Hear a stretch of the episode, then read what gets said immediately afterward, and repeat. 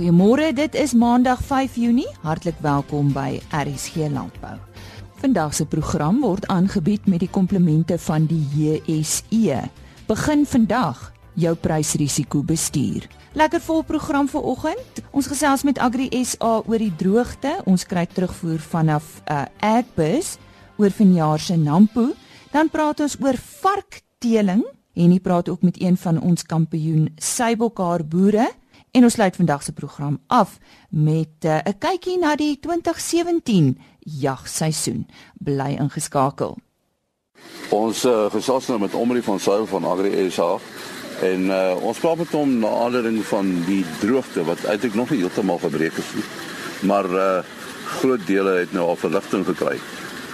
Nou onlangs uh, was daar 'n geleentheid waar van die private sektor en ander belanghebbendes uh, en 'n sekere sin bedank is vir die bydrae wat hulle gelewer het.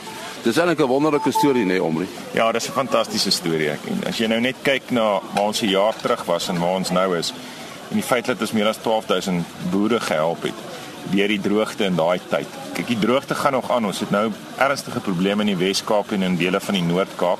Maar ek meen ons het ons tande redelik geslyp laas jaar en en dis ongelooflik hoe baie partye bymekaar kon kom om regtig 'n verskil te maak aan nie net boere nie maar gemeenskappe se lewens en hoe ons boere kan saam staan en saamwerk om om om mekaar te help en ek dink dit was een van die aangrypende dele van hierdie storie is die landbougemeenskap en en het het regtig 'n baie groter ehm um, aansien en en 'n groter invloed as wat ons dink op die res van Suid-Afrika. En en eintlik het Agri SA as 'n soort van 'n kanaal en platform gedien. Ja, ek dink ons is die ons is die platform vir hierdie fasilitering van hierdie ding ons provinsiale affiliasies het eintlik die harde werk gedoen. Hulle het die implementering gedoen.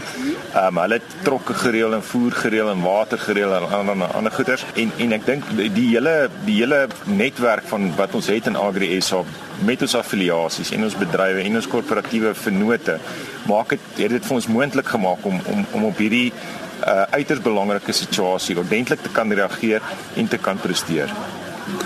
Suid-Afrika wat landbou betref is 'n baie wisselvallige land klimaatgewys. Uh julle het julle om dit nou so te sê julle pertjies in die hok gekry om uh in die toekoms weer so te kan optree. Ons het ons het nou saam met Senmes 'n risiko ehm um, lesenaar begin. In hierdie risiko lesenaar sal ons kyk na die grootste bedreigings vir landbou en en van so sprekend ook vir Suid-Afrika. En dan die mitigante daarvoor. En en die strategie is dan om die mitigante daarvoor te begin implementeer. En en droogtehulp is 'n is 'n kerndeel daarvan. Uh ons smart disaster solutions. Maar ons sal ook kyk na oplossings rondom skaliegas uh en mynbouontwikkeling wat spesifieke uh, bedreigings in vir die landbousektor op sigself en dan van die ander groot uh, uh risiko's wat wat wat ons in die gesig staar. Baie dankie Omri van Sail. Dankie Henny. Een van ons medewerkers, Marike Brits, het by die onlangse Nampo met die hoofuitvoerende beampte van Agbus oor Nampo gesels. Hy is Dr. John Purchase en Marike wou by hom weet uh, wat was vir hom positief van vanjaar se Nampo. Wel ek dink was baie positief oor te raak by Nampo want dit is baie fasette. Uh dit waarby ek die meeste betrokke was die afgelope 2 dae uh, is die nasie in gesprek en ook die onderhoude wat ons byvoorbeeld met RSG gehad het uh, met die media en, en spesifiek ook RSG gisteroggend. Ehm uh, ek dink dit is eintlik 'n baie goeie platform om uh hierdie tipe van debatte in te bring oor oor sleutelkwessies in die landbou soos grondhervorming, uh waterhervorming, uh uh transformasie uh, uh, uh hoe meer vroue selfsienlik in die landbou in te bring en dis meer. Uh en ek dink dis dit stimuleer goeie debatpunte ook om om uh media van buite af in te kry wat in die meer in die hoofstroom kommersiële media is dat hulle ook blootgestel word wat uh wat aan wat gebeur in landbou en dis meer en ander analiste.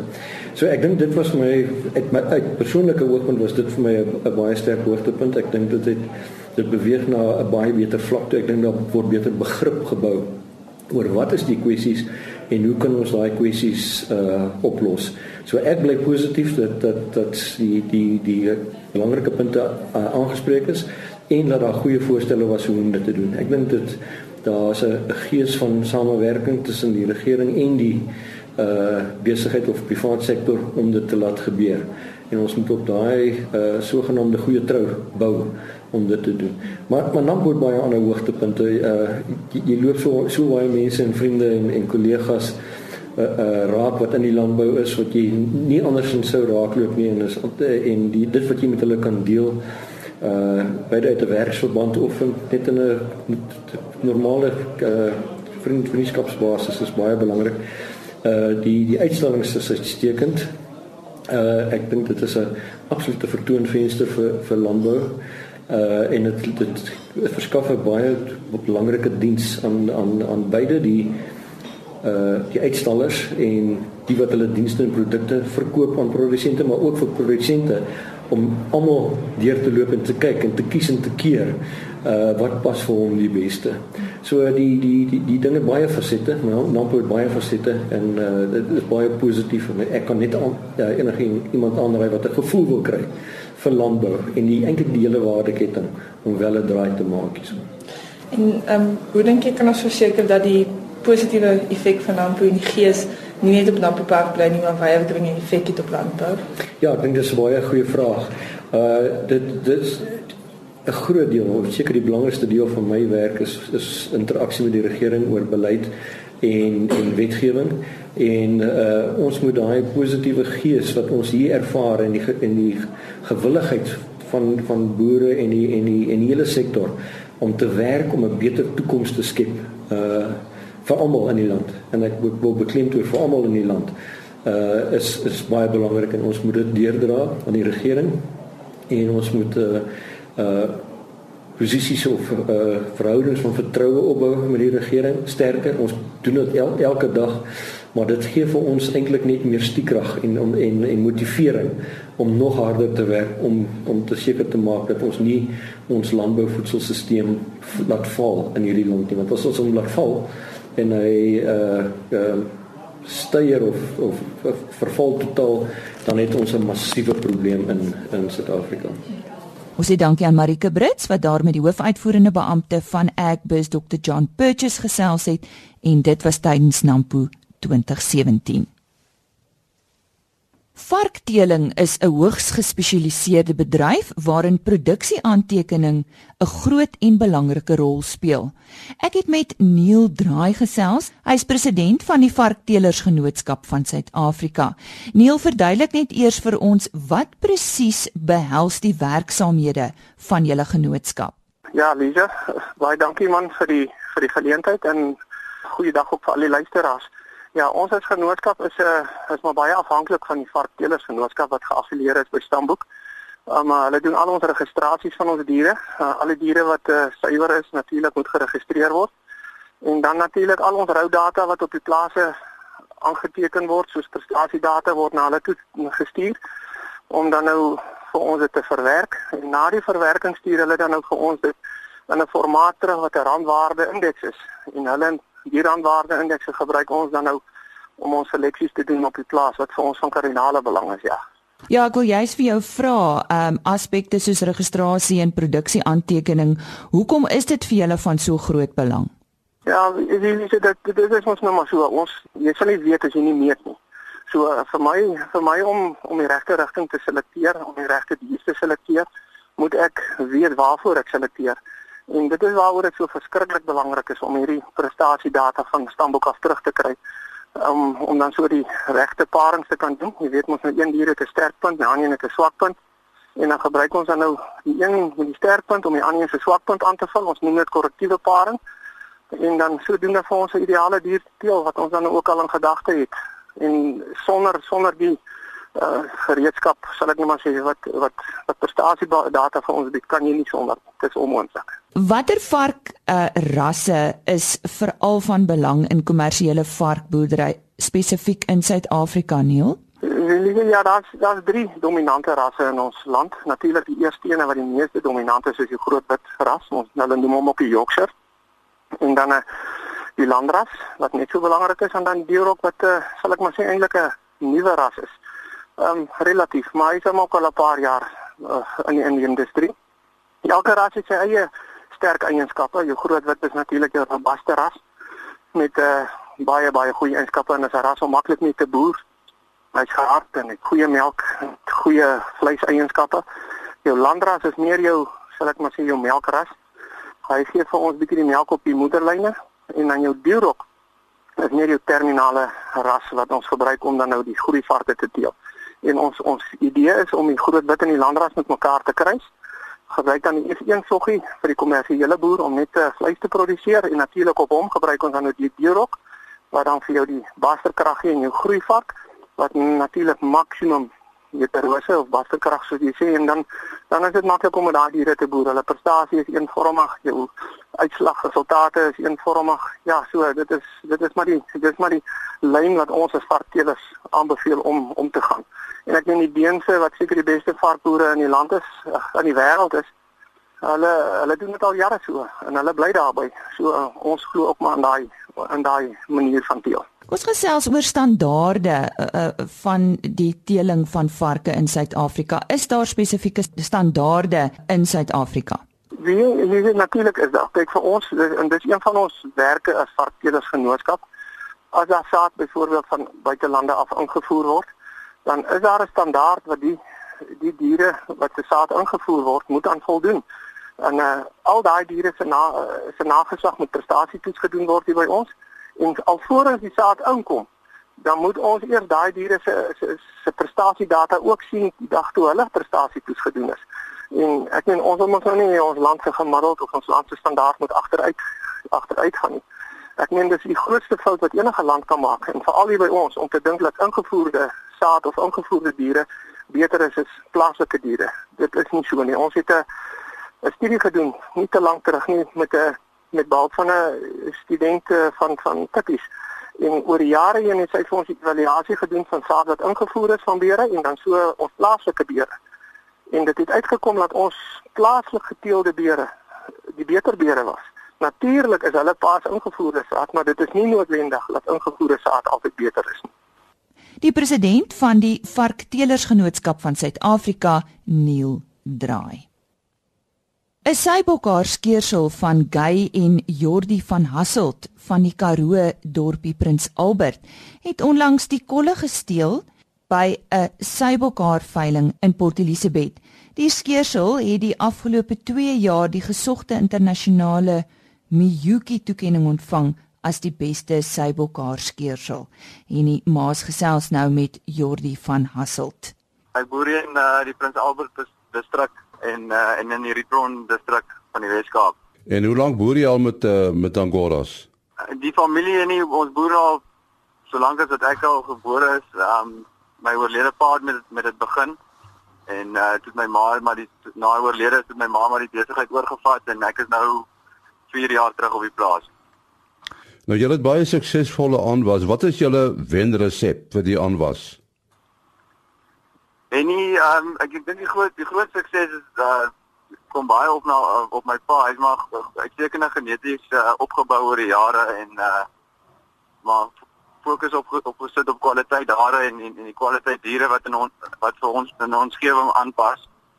So ek sal seker sê dis ons dis ons grootste geheim en dan moenie geheim nie, dis maar ons, ons wenresep en dan die die ander die ander deel is maar die skeersel voorbereiding en en die skeersel klassery wat wat wat ons uh, baie baie op aandag gee. Nou uh, uh, waarom is die die eerste 6 maande van 'n uh, uh, klein bokkie se lewe die belangrikste stadium uh, in sy lewe? Dis maar die dis maar die beginstadium. Ek dink dis die belangrikste deel van van enige enige dier of of mens, jy weet in jou dis maar die kan ek sê die boublokke van die dier. As hy as hy sieklik is in die eerste 6 6 maande of in die eerste maande wat ek al is hy maar altyd 'n is maar altyd hy disadvantage kan ek sê hy's hy's maar altyd 'n 'n sieklike dier. Hy kom nooit regtig tot sy volle potensiaal nie. En watter genetiese faktore speel speel 'n rol by 'n ooise vrugbaarheid daar by julle? So ons ons uh, lekker om gehardheid en uh en die dier se so ma moet hom maar kan groot maak. Dis dis maar die, die groot deel ons kyk maar op uh melkproduksie van die maas en dan op uh op, op maar mothering ability en ga en ja en dan gehardheid in die veld. Jy moet maar homself ontsorg in die veld. En en en kruipvoeding, uh, hoekom werk kruipvoeding so goed? Dis jou dis jou hoogste um return op uh, op feeding in, in enige vorm van 'n dier, dit maak nie saak van 'n Angora bokkie of of enige dier die die inset wat jy in die dier sit kry jy net soveel meer uh opbrengs uit die dier uit en produktiwiteit. Terwyl hy klein is, uh, eet hy eet hy baie min, maar jy kry jy, jy kry die meeste groei uit hom uit in in daai stadium van sy van sy lewe. Die klein bokkie se haar is ook die hoogste die hoogste waarde wat hy gaan wees. Uh hoe dit werk met 'n worrebok, hoe, hoe ouer hy word, hoe sterker word die hare, kan ek kan ek dit so stel en uh en so hoe sterker die hare word, hoe hoe verminder die waarde. So dis dis die hoogste waarde hare wat jy wat jy wat jy afskeer is van 'n van 'n klein bok op 6 maande. Het jy enige uh, raad wat wat die skeer proses betref? De, uh, ja, ek en ek sal sê ehm um, dis dis oestyd vir 'n boer. Ehm um, so ons is maar altyd in die skeerhok en uh ons wil hê die dinge moet reg gedoen word, die hare moet reg gesorteer word en die diere moet mooi geskeer word. Ons moet spandeer ons hele ons hele uh, lewe tyd om na die diere te kyk. En dit is uh dit kan baie gou al tot nie as as die skeer nie die nie die diere reg skeer nie vir for example as hy die die hare um double cut as as ek dit so kan stel hy hy, hy skeer nie die die diere op die vel nie. Um en dan dan jy dan bly daar kort stukke agter en hy en hy skeer jou jou jou stapel middeldeur. Hy uh, verminder die waarde van jou hare. 'n uh, uh, Stres by Angora bokke, watter rol speel dit? Stres, ja, Angora bok vir alles wat jonk is, um is geneiging om te stres, uh dan alles is alles is nie vir hom. Hy word gespeen in, op 3 maande of op 4 maande of op 6 maande. Dis 'n stresvolle tyd. Hy word van sy ma weggevat. Jy weet weet met die met die skeer dis dis alsin 'n nuwe ondervinding en hulle hulle word geskeer en en op kraag gehou en en seker goed so dis 'n baie stresvolle tyd en en dan Gorabok het maar 'n neiging om om uh, om te stres baie meer as 'n meer as 'n ander dier en word ek dink bietjie meer as ander diere geaffekteer deur stres. So uh, ons ons probeer maar so min stres as moontlik op die diere sit. Die die sukses van van julle boerdery op watter punte berus dit uh, dink jy? Ons is baie kan ek sê ons is in, in intensiewe boere. Ons ons boer baie ekstensief, maar ons boer intensief met die diere as ek dit so kan stel. Um die diere word dan word elke week bymekaar gemaak. Ons maak seker ons het ons het geen verliese uh, met ongediertes en siektes nie. Daar is nou en dan 'n geval wat ons 'n wat ons 'n weet 'n ongedierte probleem het of 'n 'n siekte, maar weet ons ons oë is maar altyd op die diere en ek dink ons ons uh, ons genetika wat ons het is is vir ons omgewing en vir ons boerdery is nou al aangepas weet ons ons boer met 'n aangepaste dier wat wat uh, wat goed doen in ons omgewing en en baie produktief is En dit was Henny Maas in gesprek met Jordi van Hasselt, een van ons Sybokhaar kampioen boere daarvan die Prins Albert distrik. Jolandi Rood, een van ons medewerkers, het onlangs by die jeugskou by Hoërskool Bekker in Magaliesburg, net buite Pretoria, gaan inloer en vir ons hierdie bydra saamgestel. Ek is hier by die jeugskou van Hoërskool Bekker en ek gesels bietjie met die adjunkhoof van die skool wat ook verantwoordelik is vir die landboudepartement, Brian Callahan. Hy gaan bietjie praat oor hoekom die teoretiese deel van 'n jeugskou ook belangrik is. Uh, Goeiemiddag luisteraars. Uh, ek wil net daar klem lê dat uh, die jeugskap bestaan uit vier afdelings uit, 'n teoretiese gedeelte, 'n uh, was gedeelte, 'n voorbereiding en dan ook die fisiese hantering van die dier wat bekend staan as skoumanskap. Die teoretiese gedeelte is baie belangrik want daar leer die kind basiese aspekte rakende die voeding van die onderskeie diere en dit leer ook oor verskeie siektes en simptome wat mag ontstaan en dan leer hulle ook oor die basiese versorging versorging van die dier. So ons as jeugskougenootskappe voel dat dit baie belangrik is dat 'n leerder of 'n skouman dan moet kennis hê van daardie aspekte van 'n uh, jeugskou. Jolandi Rood het by die skool ook met een van die leerders wat vanjaar by die jeugskou betrokke is gesels. Ek praat met Melindie Boyse.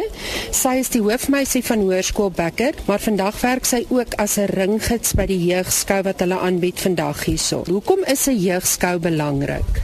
Jeugskous is belangrik want dit leer 'n kind om eerstens dissipline te hê en tweedens ook om met diere te kan werk. Ek bedoel ek, as 'n kind van kleins af geleer word om met diere te werk, is die persoonlike interaksie wat hy het met nie net 'n dier nie, maar persoonlik ook baie beter.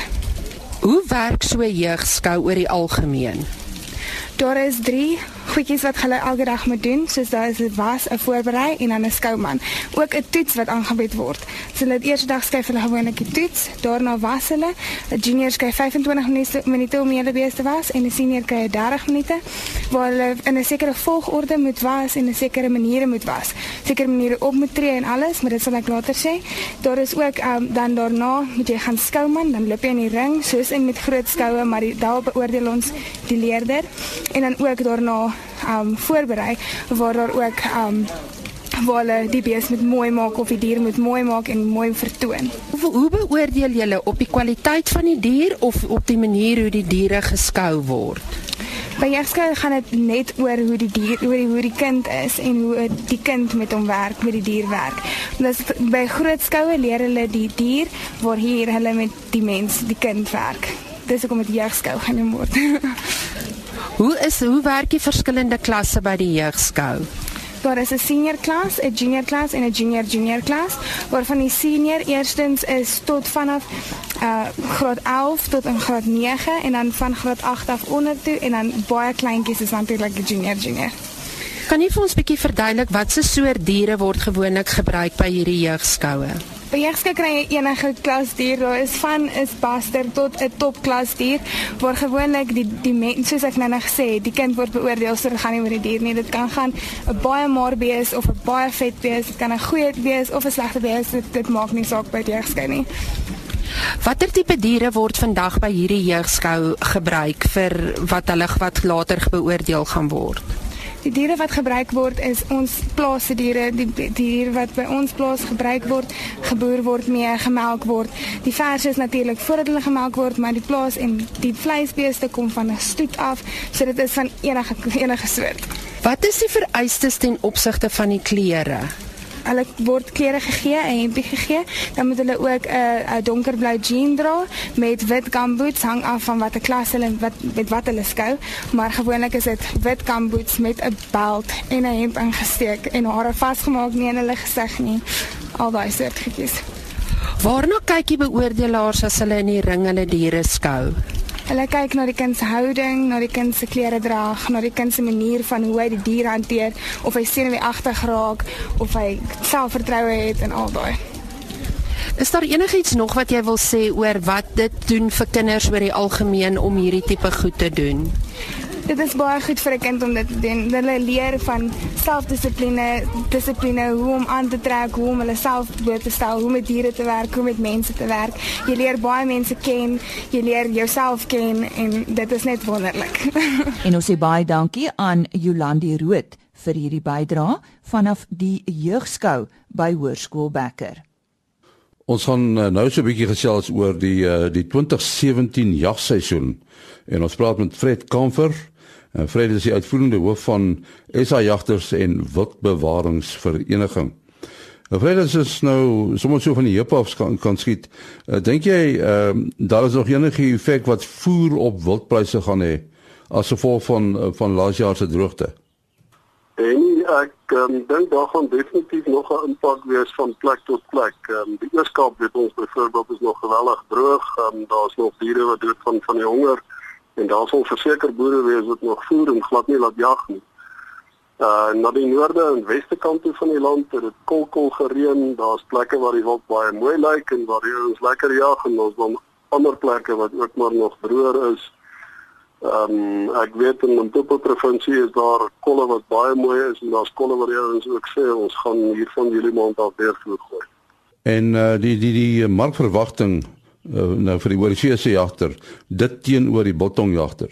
En die, buitelandse jagter moet ons altyd onthou is in 99.9% van die gevalle ou wat trofeediere kom soek. Hy wil een rooibultjam, een een kudubil, jy weet, een manlike dier van elke spesies. Ehm um, en die ouens wat wil kom jag van die buiteland af is gewoonlik ouens wat die geld het en wat hulle reëlings tref en kom jag. Ehm um, en dit lank voor die tyd ook teen 'n redelike groot deposito's betaal. Daarteenoor is die plaaslike jagters grootliks verbruiksjagters. Dis ou wat van jag omdat hulle die vleis wil hê om te gebruik. En ek dink die verwagting is daarom verskillend. Ehm um, jy kry van ons plaaslike jagters wat as hy 'n mooi dier skiet, gaan wil 'n trofee maak en dit geweer bel, maar dis redelik min van hulle wat dit doen as jy gaan kyk na die som totaal van jagters. As 'n mens nou na na wildvleis en beesvleis langs mekaar kyk, uh beesvleis is mis nog die gewildste. Uh die pogings om wildvleis eintlik meer gebruiksvriendelik te maak. Hoe vorder dit? En ehm um, daar's hele klompie van die wildboere wat begin het om wildvleis uh, te oes en te bemark. Um, maar as jy my opinie vra, dan kyk ek doodgewoon net wat die huisvrou in die stad in die winkel kry. Is nog maar 'n baie beperkte voorraad van wildvleis en baie beperkte snitte ook. Ehm um, so daar's definitief ruimte om die mark vir wildvleis te groei die lekker daarvan is dat die jagters wat um, vir eie gebruik gaan jag uit natuurlik ook die vreugde en die voorregheid om in die veld te kom en self hulle vleis te gaan haal. Ehm um, die ouens wat regtig lief is vir jag gaan verkies om steeds self te gaan jag en die vleis te werk as om dit in die winkel te koop. Nou hierdie uh, poging om wildvleis meer gewild te maak, wie moet dit dryf? Dit sal grootliks maar die produsente wees. Ehm um, jy weet dis maar die ou wat die wil produseer, ehm um, wat dan moet laat oes en verwerk en uh, verpak en uiteindelik uh, bemark ook tot aan die eindverbruiker. Ehm um, so ek sou nie verwag dat iemand anderster as die produsente dit regtig doen nie. Jy kan 'n paar derde partye kry wat um, bereid sal wees om te oes en te verwerk en te verpak en dan te bemark, ja. Uh, watter raad gee julle aan aan aan jagters? Is daar 'n paar wenke? Ja, ek dink ons moet 'n paar goed onthou. Die eerste die amptelike jagseisoen is al 'n maand oud, hy die 1 Mei begin. Ehm um, die eerste manne se vleis is al in die vrieskas en die bottel hang. Ehm um, maar ouens wat nog nie bespreek het nie moet nou maar wakker word en baie vinnig bespreek om plek te kry om te gaan jag. Dit gaan na die einde van die seisoen moeiliker te maak maar seker dat die gewere reg is en dat die patrone reg is en die goed om die vleis te verwerk ook alles reg is voordat jy ry, nie in die veld van sukkel nie. Ons het so 'n ou filosofie wat sê vir elke skoot wat jy in die veld gaan skiet, moet jy voor die tyd 10 skote op die skietbaan skiet. Dan weet jy ons gaan nie droog maak in die veld nie, dit gaan makliker gaan daar. Kom ons praat 'n bietjie oor kinders in die jagveld. Daar's natuurlik veiligheidsaspekte wat uh, ter sprake is, nee. Absoluut. Veiligheid is altyd een van die belangrike goed wanneer mense met kinders werk, um, en dit moet die eerste prioriteit bly. Tweede ding waar ek dink waar ek baie mense gesien fout maak het is om kinders te verplig om te jag as hulle nie reg is om dit te doen nie. Ek dink een van die mees kritiese goed as jy 'n kind wil leer jag is om reg van die begin af die kind die besluit te laat neem of hy of sy reg is om die skoot te skiet en 'n dier se lewe te neem moet nooit dwing nie. Uh dit moet 'n aangename ervaring van keuse wees en nie 'n gedwonge ervaring vir 'n kind nie. Ons sê baie dankie aan Fred Kamfer. Fred is die uitvoerende hoof van SA Jagters en Wildbewaringsvereniging. Dis dan al landbou nuus vir vandag. Môreoggend kan ons uh, uitsien na 'n gesprek wat ek gehad het met Leon de Beer van die NWKV oor hulle eerskomende kongres en Henny Maas het uh, onlangs met Ernst Janowski gesels oor landbou-ekonomie. Iets om na uit te sien. Dis môreoggend op RSG Landbou. En vandag se program is aangebied met die komplemente van die JSE. Begin vandag jou prysrisiko bestuur. Totsiens. RSG Landbou is 'n produksie van Blast Publishing. Produksieregisseur Henny Maas. Aanbieding Lisa Roberts en 'n notas koördineerder Jolande Rooi.